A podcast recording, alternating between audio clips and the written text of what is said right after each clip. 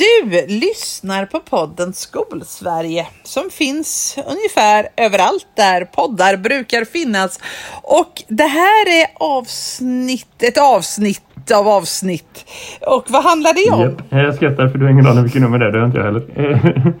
Det är bara ett pärlband, tiden är en platt cirkel. Nej, den här veckans avsnitt handlar om att eh, både du och jag håller på att starta upp eh, nya elevkullar som är nya på våra skolor. Och alla som någon gång har varit eh, lärare eller är lärare eh, eller tänker att de ska bli lärare kan föreställa sig någonstans den känslan liksom, och den energin och den kraften men också det galna arbetet som kommer in i att vet, få saker på plats. Och gudarna ska veta att ingenting är som det brukar men ändå är det lite fint att vissa saker är ja, typ som de brukar. Och där någonstans tror jag vi ringer in det här avsnittet. Det här är Skolsverige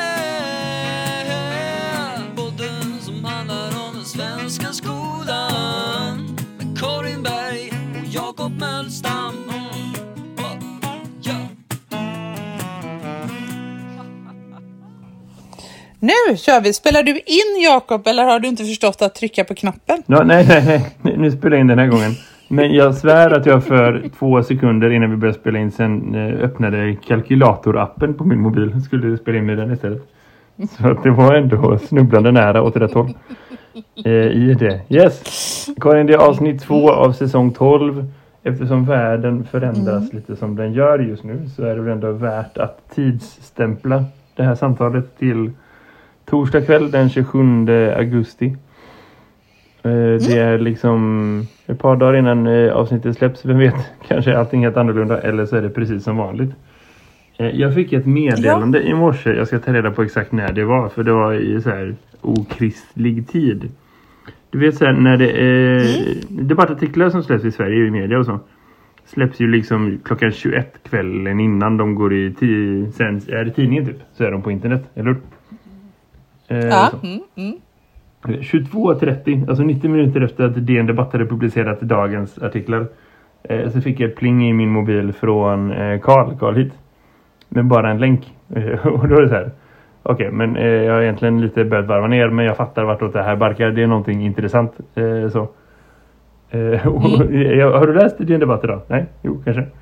Då är det eh, Lärarförbundets ordförande Johanna Göra Åstrand som eh, helt plötsligt ja. säger vi måste ta ett större statligt ansvar för skolan.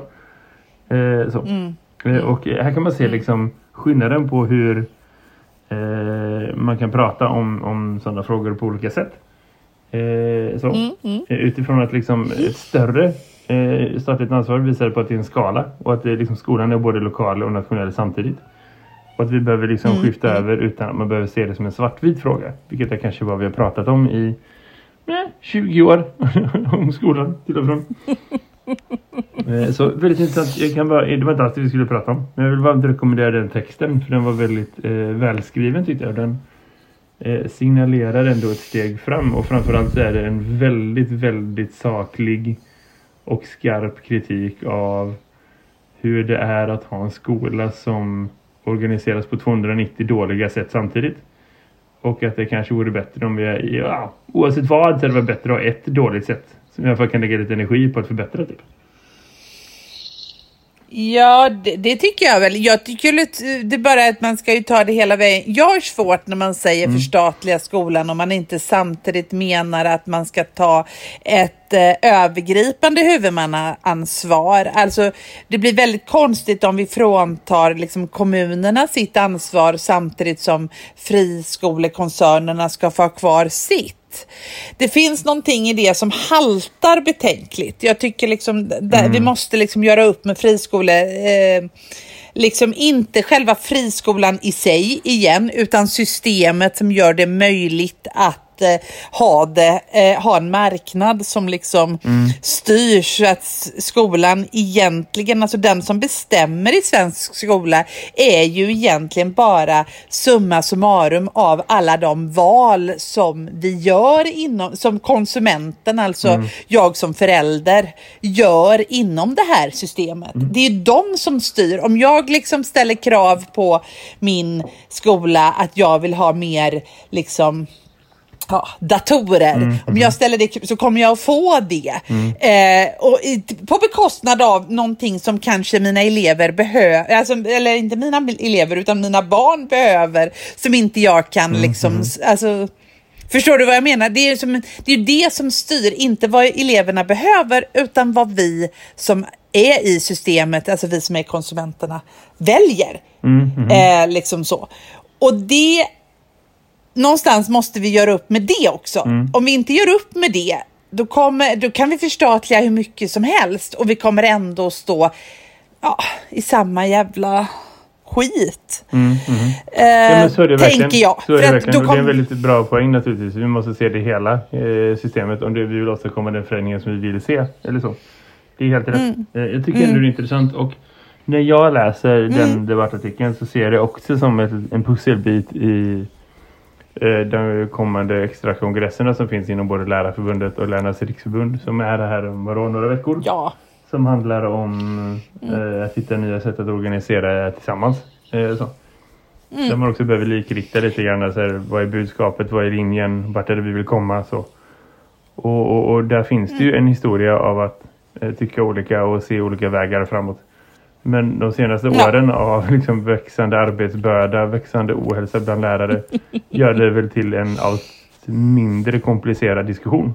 Om man säger så, även om det fortfarande finns många parametrar av det. Men du Karin, det här är inte en skolpolitikpodd, det är en skolpodd så vi ska grotta ner, rikta ner lite i fokuset.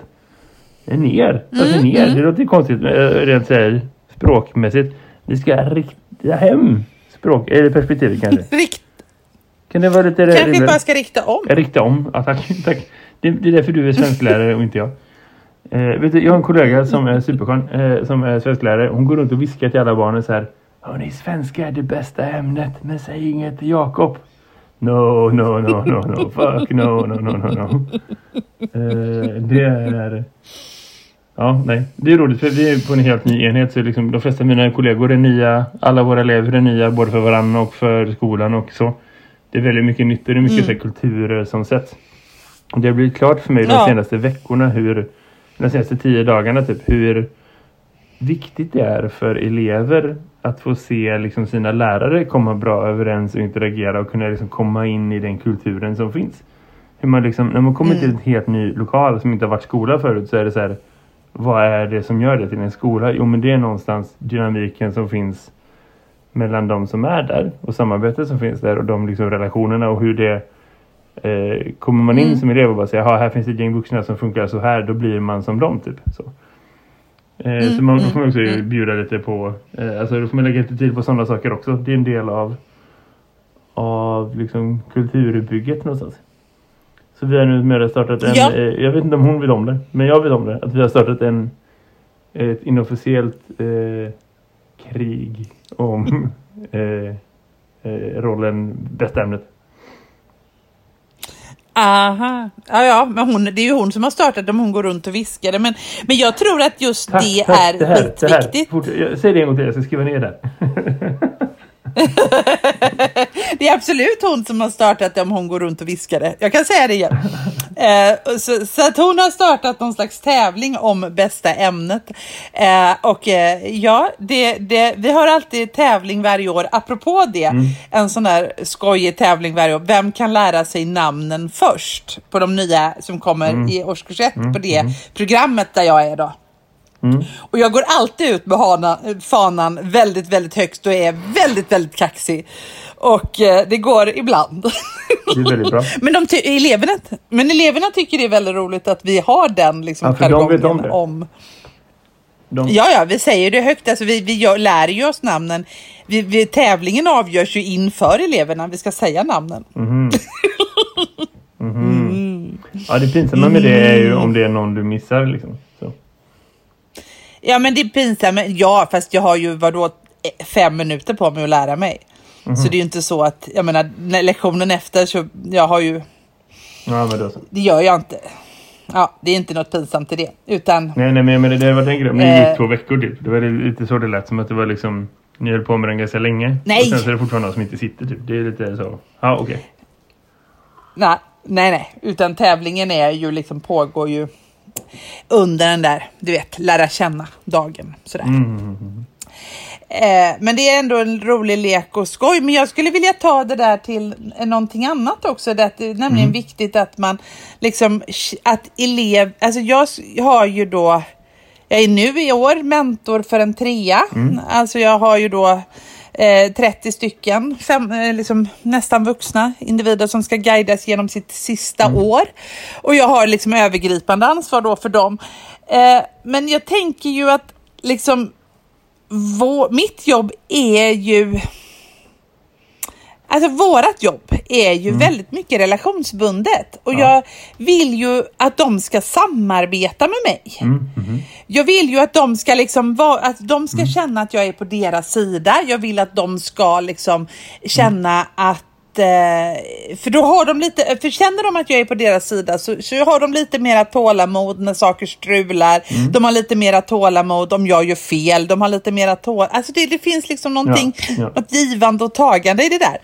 Eh, jag kan säga att i år har jag en liten, liten, liten sak som sätter lite käppar i hjulet för just den där relationen och det där tålamodet. Ja. Eh, för att eh, jag vet att jag tjatar, men vi har liksom sådär, i den här pandemin så kommer beslut väldigt fort och man glömmer bort att den där relationen är ganska viktig när beslut fattas liksom i olika grupper, i olika... Det. Så att eh, 70 procent av mina elevers scheman kommer inte att stämma från nästa vecka. Eh, de, det, kom, det, det finns någonting i det. Jag har gått och grunnat hela veckan. Jag vet det redan nu. Men hur ska jag kunna få, det är en pedagogisk jävla grej, att få mina elever att vara okej med det. För det finns inget sätt att lösa det på. Utan det kommer att gå åt skogen. Det vet vi redan. Ja. Utan lösningen är att det får gå åt skogen. Men grejen är ju den att det finns en pedagogisk grej i att få eleverna att känna att ja, men nu provar vi det här och så får vi visa att det inte är okej. Ja, men det, alltså, det finns ett dilemma våra- i det naturligtvis. Och, och det, lösningen på det är ju någonstans, i, utan att kunna för mycket detaljer, liksom, att, att du måste förankra dig som en del av lösningen och inte en del av problemet. Alltså så att du är liksom, du vet så här, om ingen vet vart ni ska gå så ringer ni mig, jag, är nummer, jag har det här numret. Är du med? Att Ja. man liksom gör en supertydlig symbolhandling av att så här, Okej, men har du ingen jävla aning, då är jag här, jag undervisar svenska, kom hit. Alla är välkomna hela tiden. Alltså ni har någonstans att vara, ni har någonstans där ni förväntas, alltså passar in. Oavsett vad det är som händer i, i, i det här systemet. Och det, det är alltid rörigt att börja på gymnasiet, men nu jävlar är det liksom svart bälte från början. Och ni kommer vara grymma på det här sen. Men, men nu är det, är det mer komplicerat så. Och, och utan att man inte snacka illa om sina chefer för det. För det, det är ju världens enklaste väg in i det. Och det kanske man kan göra om det är så att de förtjänar det. Men liksom bara att förankra sig och vara en positiv så här. "Va, Men här är jag, det är lugnt. Så.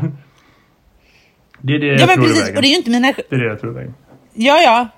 Nej, och det är ju inte mina chefers fel. Problemet är ju att det är ett övergripande jättekonstigt politiskt beslut som gör att vi står där vi står och vi får inte ändra det beslutet. Alltså ingenting, allt ska vara som vanligt fast ingenting får fungera som vanligt.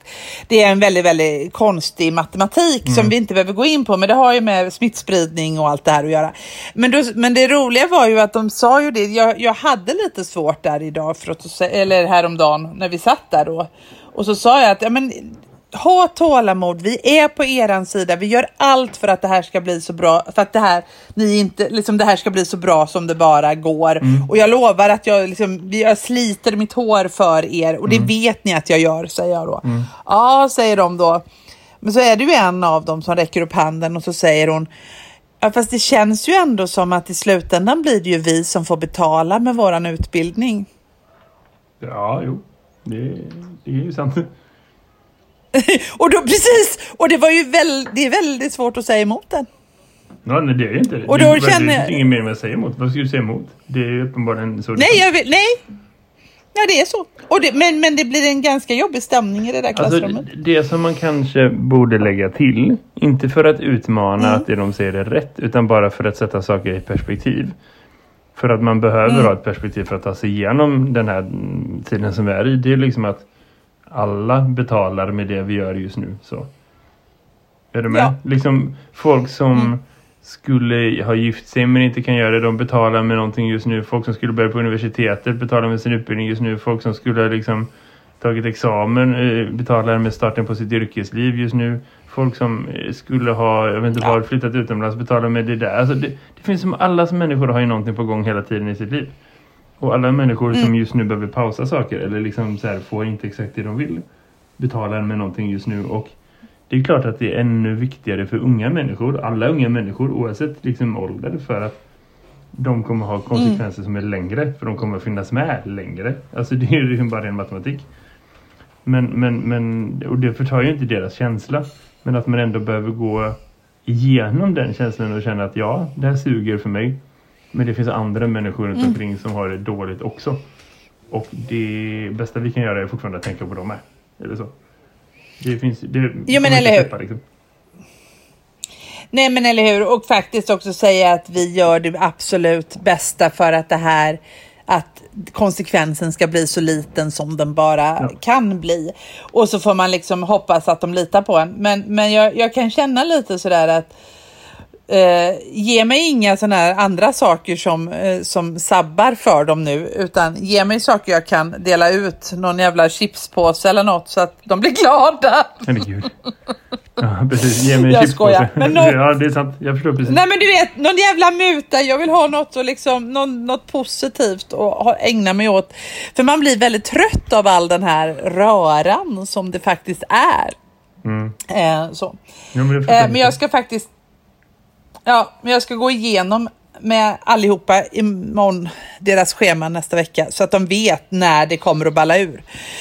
Eh, det är sånt jag inte brukar ägna mig åt i skolstart. Eh, ja. Mina elever har inte några scheman heller än. Eh, så. Det Nej. finns inga förutsättningar för det. Eh, det men däremot så eh, har vi Eh, jag har ändå en idé på hur jag ska lägga schemat i vårt arbetslag. Men det, det, funkar inte riktigt än. Och mycket av det, jag måste säga, ja visst det har med pandemier och så att göra. Men det är också liksom hur man organiserar skola, hur man organiserar utbildning på liksom en, en, en huvudmannanivå. Det är mm. förvånande. Alltså, det är ett tema, vi ska inte fastna i för det har varit nere för det så himla många gånger. Men det är förvånande för mig hur lite varje person betyder i en stor skolorganisation. Mm. Liksom så och hur dåligt det kan bli. Mm. Jag har 109 ja. fjärdeklassare. Det är fortfarande inte säkert att den siffran stämmer. 10, ja men typ 5, 6, 7 skoldagar in på det här året så är det fortfarande ingenting som säger att det är en korrekt siffra. För att, och det är inte liksom bara så här en teoretisk liksom fundering utan det är så här, ja, men så är det. Och då blir man så där, det är väldigt eh, det är väldigt svårt att, att liksom planera framåt då. Eh, och då kanske jag känner mig lite bortskämd som kommer från en organisation där jag visste i maj vilka elever jag skulle ha och det bestämde till 99%. Eh, och det gick att förbereda för liksom så. Så det är lite, ja, man står ju där liksom. Men någon måste ju ändå veta hur många fjärdeklassare som finns. Nej. Jag tänker, det, det kan man ju... Alltså så här, några dagar innan skolstarten fick jag e-postadresser till hälften av föräldrarna. På riktigt. Några dagar, då fick jag hälften av föräldrarna. Bara mejla dem. och de andra då? Nej, de får nog brev på posten. Det har de ju inte fått. De har fått mejla det runt mellan varandra som någon sorts, du vet, typ att de säger dealar knark på plattan eller någonting. Det är liksom... Det, det är som man säger, du, ja, jag fick fått den här informationen, stämmer det? Alltså, vad är det med det här? Jag får bara säga, ja, jo det stämmer. Och här är lite mer information som du också kan få för att det är jag som liksom är någon sorts superdealer i liksom nätverket av liksom nej men du vet jag skickar ut pdf-en så här, här börjar skolan den här tiden, den här platsen, det här måste du veta i förväg en vecka efter att det börjat. Det är liksom eh, det, det, känns inte riktigt eh, som eh, den nivån av professionalitet jag vill ha. Men du, vi ska inte eh, fastna i det. Vi ska eh. Det är så himla många roliga grejer som händer i det med att möta elever igen också. Jag måste säga att jag eh, inser nu när terminerna kommit igång igen på allvar. Eh, dels hur utvilad jag var i somras. För det är jag inte 100% längre. Men också hur mycket jag saknat eh, jobbet faktiskt. Eh, så. Mm. Mm. Alltså, hur mycket jag saknat eleverna. De är så jävla sköna på helt eh, oklara och helt oförutsägbara sätt. Någonstans. Eh, vi, har, mm. vi har du ser du har en uppstartsdag. Jag jobbar liksom på ställen där det är så här, oh, vi löper hela linan ut och lite längre när det kommer till uppstartsdagar. Så vi har, för att jag jobbar på en skola som har massa motton om, om, om saker man ska lära sig och liksom tänka om livet. Och det är konkreta grejer. Det är inte så här flummigt utan det är superspecifikt. Här är tio goda vanor som liksom bygger på hjärnforskning och bygger på liksom folkhälsoforskning och liksom, vet, så. Eh, och då har vi valt att mm, fokusera mm. en dag per grej.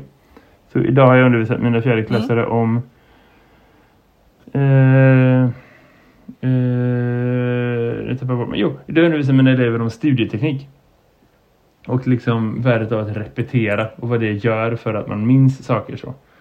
Eh, och det är liksom inte någonting ja. som jag undervisat fjärdeklassare om förut. Så det finns en fördel i det faktiskt. Eh, så prata om liksom olika sorter. Så, okay, men, men, man kan minnas så här, man kan minnas så där. Man kan använda tekniker på det här sättet. Du kan skriva ner. Och man ser att hon bara, mm, intressant, aha. Mm. För att det är liksom första gången som det som du sen säger, bara, de bara, ah, men det här har vi hört varje år. Aha, jag får vara först i den kedjan för en gångs skull.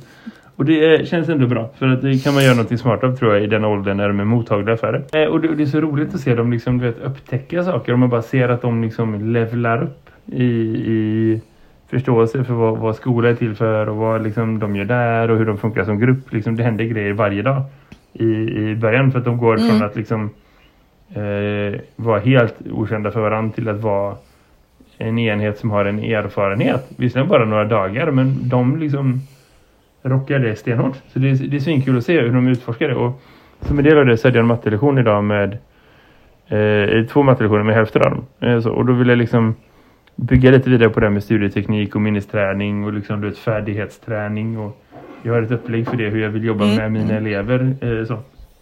och när de är yngre så är jag eh, liknat mm. det vid eh, en ninjas träning är du med? Man tränar hårt, man tränar smart, man tränar specifikt. Så jag har en ja. bild på en matte-ninja jag jobbar Och de bara, ja det är så kul. Jag bara, grymt, där, håll i där nu.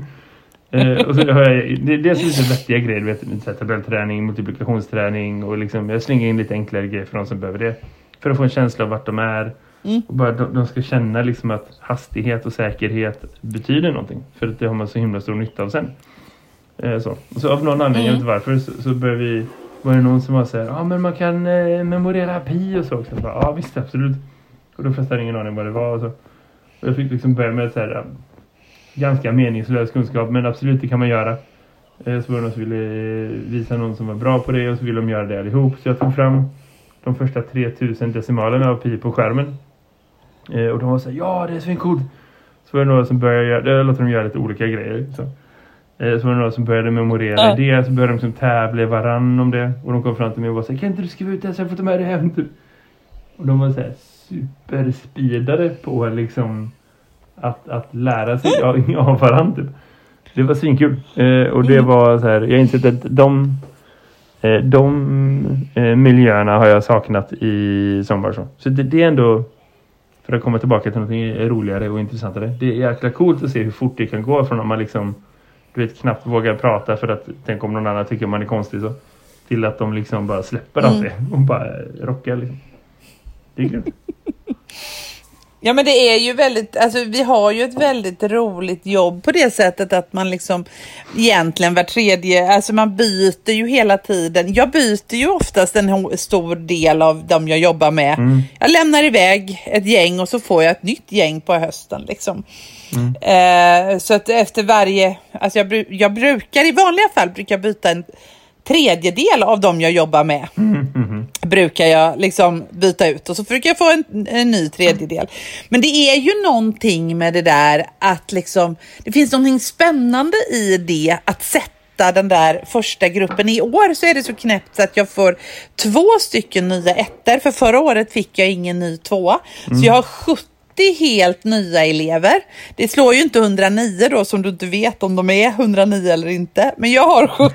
Ja, nej, eh, jag, vet, jag vet ju faktiskt inte om jag ska ha alla 70 för att de kan faktiskt läsa svenska som andra språk och lite så. Och det håller vi på att ta reda på. Mm. Men då har jag en, en väldigt liten rolig övning som jag brukar göra. Jag brukar liksom första lektionen så brukar jag berätta vem jag, du vet sådär. Mm, mhm. Eh, berätta lite om mig och vad jag, liksom, och varför jag är lärare och Mm. liksom, jag har en berättelse som jag brukar dra. Den, den har jag bestämt sen innan just för att sätta tonen. Mm. Det är ganska, ganska bra grej att ha liksom bestämt vad är det jag vill berätta om mig själv Mm. eh, till de här, du vet så. Så att det blir eh, så.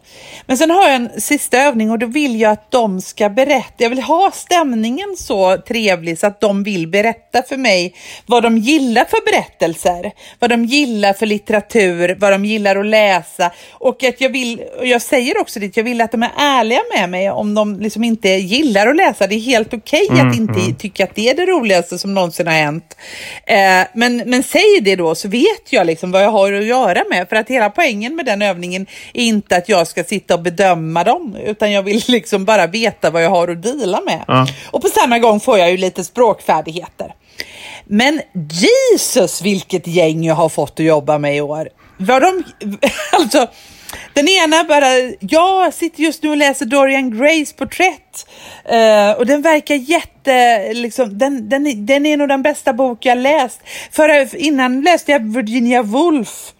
Och, så är det, och man bara, vadå? Läs, va? Du är 16, du ska inte läsa där. Och så läser man nästa då bara, ja, jag, jag, jag satte tänderna i Shigori. Jag brukar inte gi- gilla moderna författare, men Never Let Me Go var skitspännande. Jag, eh, annars brukar jag mest hålla mig runt romantiken och 1800-talslitteratur. Och jag bara, shit! De är så att säga bland- fjäskisar Karin, det är det vi pratar om. Ja, absolut. Kan man, skulle man kunna tro. Ja, men det skulle man ju kunna tro.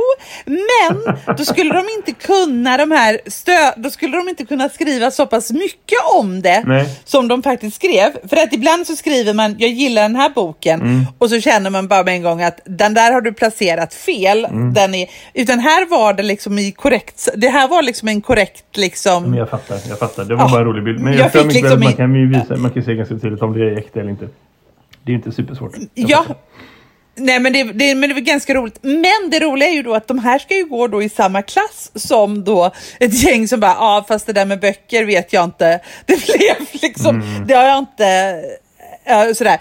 Eh, och, och jag fick ju liksom en spännande, jag har ju gått och grunnat där hela dagen på vad, vad i hela friden sätter jag i händerna på just den här klassen där det var ganska många som har läst mycket, har läst väldigt, väldigt mycket och eh, ihop med då de som inte... Det blir liksom...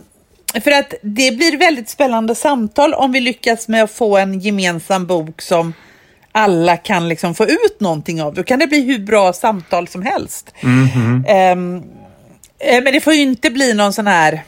Det är det värsta som finns när det blir någon inställsam nu ska läraren ställa sig in hos de unga bok. För det brukar falla jävligt platt. Ehm, lika platt som det föll när jag läste den allvarsamma leken. Den har jag också läst med en årskurs utan att ha gjort den här leken innan.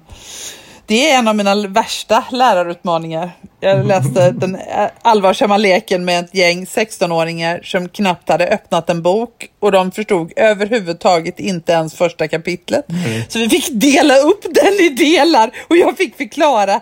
Alltså herregud, och så kunde jag inte låta bli att de skulle de skulle igenom den allvarsamma leken och det fick de med sig. De hade läst den allvarsamma leken allihop, men det tog ett helt läsår. Ja, nej, fan. Jag funderar, försöker fundera på vad det var som var min värsta... Nej, jag kan nog inte minnas. Jag har så många magplask på det sättet. Vet du. Det, det där är... Oh, Ja, man, har, man växer in med sådana grejer också naturligtvis. Men... Eh, ja, nej. Det är intressant. Och det här med läsning. Det är så himla viktigt. Alltså du ser att det, det diffar så mycket bland dina elever. Och jag förstår det mycket väl. För att jag ser den diffen i, i elever i den åldern som jag har också. Så. Och det finns så många Ja. enkla designsaker som man behöver göra. Med hur man designar Ja. deras läsning och deras läsaktiviteter i, i tidig ålder. För att liksom ta bort eh, eh, faktorer som spär på olikvärdighet. I, så. En sån Mm. grej är hur man använder sig av skolbibliotek. Att man liksom Ja. har schemalagda tider där man går till bibliotek för att låna böcker och sen ska gå tillbaka. Ofta för att liksom, du vet, begränsade tider. Man ska gå tillbaka, man ska läsa, man ska ta vid någon annan aktivitet direkt. Ofta är det en vuxen som liksom håller i båda grupperna och så. Det är det mest vanliga liksom, sättet att utforma hur man jobbar med skolbibliotek i skolor i låg- och mellanstadiet. Mm. Och det är det sämsta som mm. finns. För de enda som hittar bra böcker på det sättet är de som redan läser och som skulle kunna läsa vad, typ mm. vad som helst. För vad som helst som är rimligt mm. och bara, ah, det var en bra bok. Medan de mm. som har minsta lilla utmaning jag säger, nej jag hittar ingenting. Jag bara tar någon skit och går tillbaka och så läser de skit för att det är skit. Och det ja. är superdåligt. Alltså, eh, bara en sån mm. grej som att liksom eh, rigga upp en liten del som ett komplement till ett riktigt bibliotek. Ha lite böcker i sitt klassrum som man kan liksom gå och byta ut och man kan gå och prata om när man behöver. Så, så mm. himla rimligt. Att man liksom organiserar så att mm. elever mm. får tipsa varann. Så. Så man liksom vet, mm. den här personen är min kompis, vi gillar ungefär samma saker. Den personen säger att den här boken är bra. Ja, men då testar jag den. Att ha sån eh, liksom, mm. draghjälp i, i att hitta böcker, det är så himla, himla, himla enkelt. Och det är så himla värdefullt mm. för att minska liksom det glappet. Jag är helt säker på det. Och, och, mm. om man inte gör något mm. åt det får man bara köra på som vanligt för att så är vi vana att göra. Eh, så då mm. kommer vi ha eh, den eh, spridningen i, i gymnasiet och för att lyfta det till en organisationsnivå så länge vi har massa skolor med yngre elever som inte har spåret av en skolbibliotekarie så mm. är det på det sättet. Jag har jobbat som lärare sedan hösten 2009. Jag har haft tre terminer som jag jobbat, äh, fyra, fem kanske terminer som jag jobbat med liksom eh, skolbibliotekarier. Av mm. vadå? 11, 22, 23 terminer typ. 20 procent mm. kanske. 20-25 procent av den tiden mm. har jag haft en skolbibliotekarie att samarbeta med. Det är eh, någonting jag saknar. det är ju rent ut sagt skit. Jag har ju haft skolbibliotekarie av olika... Nu har vi två skolbibliotekarier på min skola och en biblioteksassistent. Så de är, är tre. Va? På tusen elever. Men mm.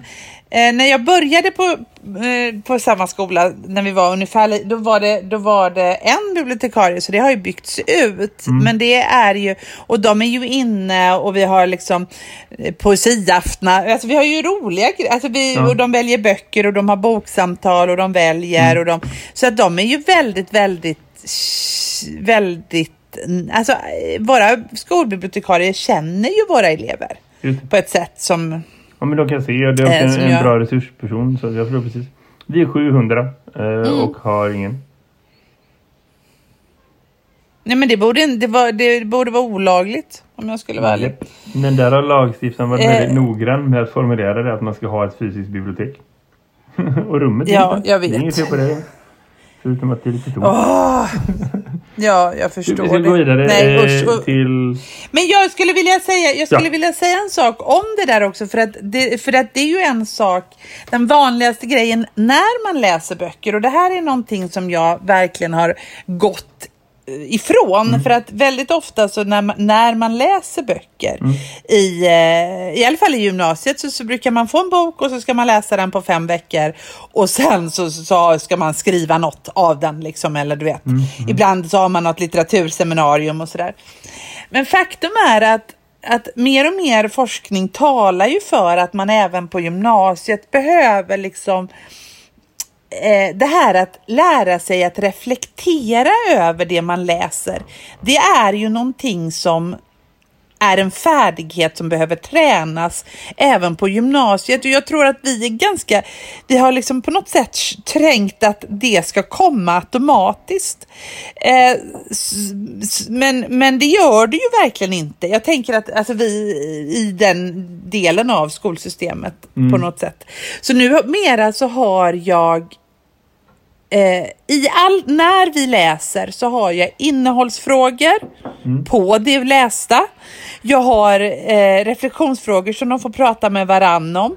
Eh, men va efter varje, liksom, om de ska läsa 60 sidor, så är det innehållsfrågor där de liksom får faktiskt formulera vad fan var det det stod och hur kan man tolka det här? Kan man tolka det här på olika sätt? Kan man, och är ganska noga med de där frågorna mm. just för att få vidga det, alltså få läsförståelsen, få dem att förstå att en bok läser man ju också mellan raderna. Man, man läser en bok liksom, den kan se annorlunda mm. ut när Lisa läser den och när Pelle läser den. Eller, Men får jag lägga till en eh, vinkel i det? För jag tror att liksom, ja. det, det, är både en färdighet och en aktivitet samtidigt så. Själva färdigheten ja. att veta hur man gör när man reflekterar. Det behöver mm. man, det kan man nog ändå tänka skulle kunna ske schematiskt liksom i en viss ålder och allt det där som så. För att det är ändå liksom mm. Jag, säga, jag kan ju banka in liksom, Aiden Chambers fyra läsförståelsefrågor till dess att de kan rabbla dem när de sover. Liksom, det är inga problem. Ja, jo, jo. Det, det, det, går ju att göra eh, så man ändå får en idé av det. Mm. Men, men, när du reflekterar så sätter du också saker i ett sammanhang. Så. Och du, du mm. bearbetar nya erfarenheter och man liksom man processar saker som man har läst eller lärt sig. Så. Och dels mm. är det ju naturligtvis så att man läser mer komplicerade och komplexa texter som möter mer komplicerade och komplexa liksom, problem och tematiker och så, så, på ett sätt som ändå är rimligt att liksom, det har du inte gjort när du gick i mellanstadiet så det finns en poäng att göra det i gymnasiet så, det är det ena. Och det andra är att du också mm. tänker smartare och du upptäcker smartare grejer och du liksom pussar mm. ihop bitar på ett smartare sätt om man nu kan vara så subjektiv när man blir äldre också och mm. det gör ju att det finns ett värde av att fortsätta med den aktiviteten för, för det hade varit larvigt att bara, men det där gjorde de när de var yngre, nu slutar vi med det. Alltså för att det, det ja, är liksom precis. man bara, nej, nej, men tänka fick de göra när de var yngre, nu är vi förbi det. Men vad är meningen med ja, men det här då? Liksom, det, nej men eller hur, men också det här att, att eh, liksom få man, att man måste läsa aktivt när man mm. läser, att man inte bara, för jag har så många elever som säger att ja men jag läste den där tio sidor men jag kommer inte ihåg vad jag läste, för jag tänkte på annat. Att man, alltså att läsningen är någon slags mekanisk sysselsättning men man tänker inte på det, man, man är inte intresserad av vem, det, vem är det jag har framför mig? Vad är det för karaktär? Du måste ju vara intresserad av dem du ska läsa om i boken. Annars så kommer inte, det är inte så att de Nej. kommer att kasta sig över dig och göra dig intresserad av alltså, dem Karin, om du inte bryr dig. Karin, det här är så himla intressant mm. för att ibland i den här podcasten så gör vi en full 360, man går hela vägen runt. Vi, vi avslutar där vi, ja. vi startade. Här gör vi en halv 360 ja. och kommer tillbaka till det vi var för ungefär halva avsnittet sen, nämligen det med eh, flummiga uppstartsveckor och tio goda vanor och studieteknik. För det fann mig precis det jag lärt mina ja. tioåringar, eh, fjärdeklassare om idag. Precis den grejen. Alltså så här, hur gör man när man minns saker? Hur gör man när man lär sig saker som man kommer ihåg? Ja. Vad, vad är grejen med att liksom vara motiverad eller inte vara motiverad? Hur kan man bli motiverad? Hur kan man liksom mm. eh, se till att motivera sig för det som man behöver vara motiverad för? Det är precis de grejerna. Och det kommer runt och runt och runt och runt. Men eh, låt mig säga, jag har aldrig när jag undervisat elever i den här åldern eh, varit inne på sådana ämnen förut. Och det tror jag båda är gott. Eh, så. Mm. Du, vi ska då runda av det här avsnittet också. Det var ett annat samtal än vad vi haft de senaste kanske fem eller tio avsnitten. Vi ska inte recensera oss själva, det kan mm. andra människor göra. Men det var fan kul att komma in och prata och känna att liksom du vet Mm, kraften av skolstart liksom kommer in och, och, så. Ja men precis, prata jobb och känna att man blir lite pepp av det. Det är fan gött ändå. det, kunde, det behövdes i den här dystra skiten. Det behövs fan. Vi håller i, vi kämpar oss igenom. Vi ska fan inte ljuga för elever att de offrar saker nu. Men vi ska också hjälpa dem att vara empatiska med det. Poäng. Ja. Du, eh, Karin, tack för idag. Vi hörs nästa vecka. Det gör vi. Ha det bra. Ja, det Hej då. Det här är Skolsverige